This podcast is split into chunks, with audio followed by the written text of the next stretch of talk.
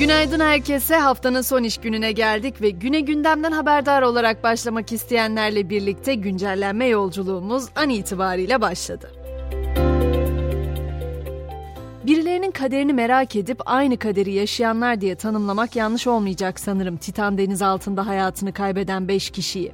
Titanic enkazına dalış yaptıktan sonra 18 Haziran'da kaybolan denizaltıyı arama çalışmalarında dün enkaz parçalarına ulaşıldı ve yolcuların tamamının hayatını kaybettiği açıklandı. ABD sahil güvenlik yetkilileri Titan denizaltısının katastrofik şekilde patlayarak parçalara ayrıldığı bilgisini verdi. Tabi günlerdir sosyal medyanın ana gündemi haline gelen bu denizaltı meselesi Yunanistan açıklarında batan göçmen teknesinde onlarca insan ölürken bu kadar gündemde yer almayıp söz konusu zenginler olduğunda büyük çaplı arama kurtarma çalışmaları düzenlenmesi bakımından eleştiri yağmuruna tutuldu. Diğer yandan 250 bin dolarlık biletle denizaltıya binen bir milyarderin eşinin 1912'deki Titanic kazasında ölen bir çiftin torunu olduğunun ortaya çıkması şaşırttı. Bir de üstüne Simpsonlar ve Kehanetleri defteri de yeniden aralandı. Daha önce koronavirüs, FaceTime, akıllı saat, Yunanistan'ın borç temerrüdü, kripto para, Donald Trump'ın başkanlığı hatta Amerika'daki kongre binası işgalini bilen dizinin paylaşılan bir bölümünde okyanusun dibindeki enkaza turist götürürken denizaltıda görülen düşük oksijen ve iletişimsizlik detayları dikkat çekti. Peki dünya bu denizaltıyı konuşurken bizim gündemimizde neler var? Merkez Bankası'nın faiz artırımı sonrası rekordan rekora koşan piyasaları bolca konuşuyoruz elbette. Ama en büyük dertlerden biri de zam talepleri nedeniyle artan kiracı ev sahibi tartışmaları biliyorsunuz. Kira artışına %25 sınırlama getiren düzenleme 2 Temmuz'dan itibaren bir yıl süreyle uzatıldı. Adalet Bakanı düzenlemenin bayram tatili sonrasında mecliste yasalaşacağını söyledi. Mevsim normallerinin üzerinde seyreden yağışlı havaya rağmen barajlarsa alarm veriyor. İSKİ verilerine göre İstanbul'daki barajlarda doluluk oranı dün itibarıyla %45,42 olarak ölçüldü. Kimseyi korkutmak istemem ama bir önceki yıl bu oran %75,62 olarak kayıtlara geçmiş. Siyaset cephesinde ise partiden bir yıl süreyle ihraç edilen ve cezası 10 gün önce biten Bolu Belediye Başkanı Tanju Özcan'ın CHP'den kesin ihraç talebiyle disipline sevk edilmesi konuşuluyor.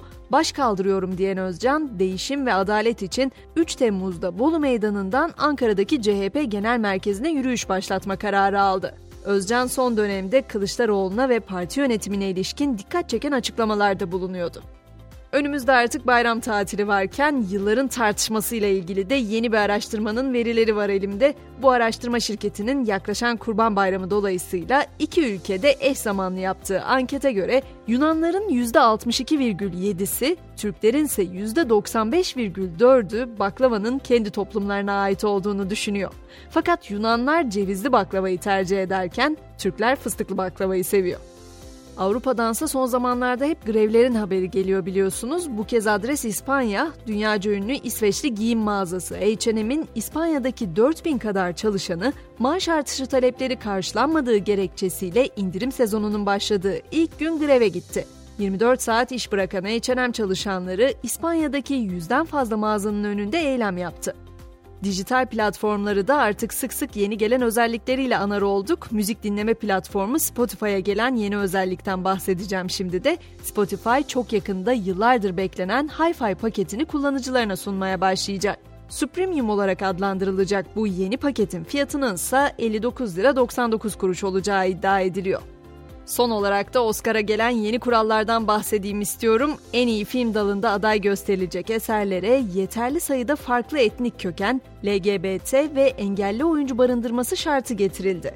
Kural 2024 yılından itibaren geçerli olacak. Ne var ki bu koşullar daha önce yürürlüğe girseydi Baba, Schindler'in Listesi, Gladiator gibi ödül alan filmler Oscar'a aday bile olamayacaktı. Biraz da spor dünyası diyelim. Fenerbahçe dünyaca ünlü golcü Edin Dzeko ile 2 yıllık sözleşme imzaladı. 37 yaşındaki boşnak futbolcu Sarı Lacivertlilerden yıllık 4.2 milyon euro maaş alacak. Suudi Arabistan 2030 Dünya Kupası organizasyonu için adaylıktan çekildiğini duyurdu.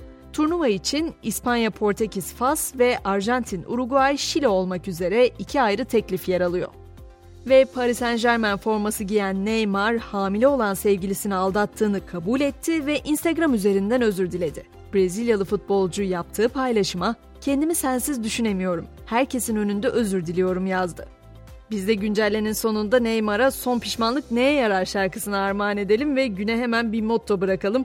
Herkesin gidebileceği bir yeri olmalı. Çünkü öyle bir an olur ki insanın mutlaka bir yere gitmesi gerekir diyor Dostoyevski. Akşam 18'de haftanın son güncellenme saatinde görüşmek dileğiyle şimdilik hoşçakalın.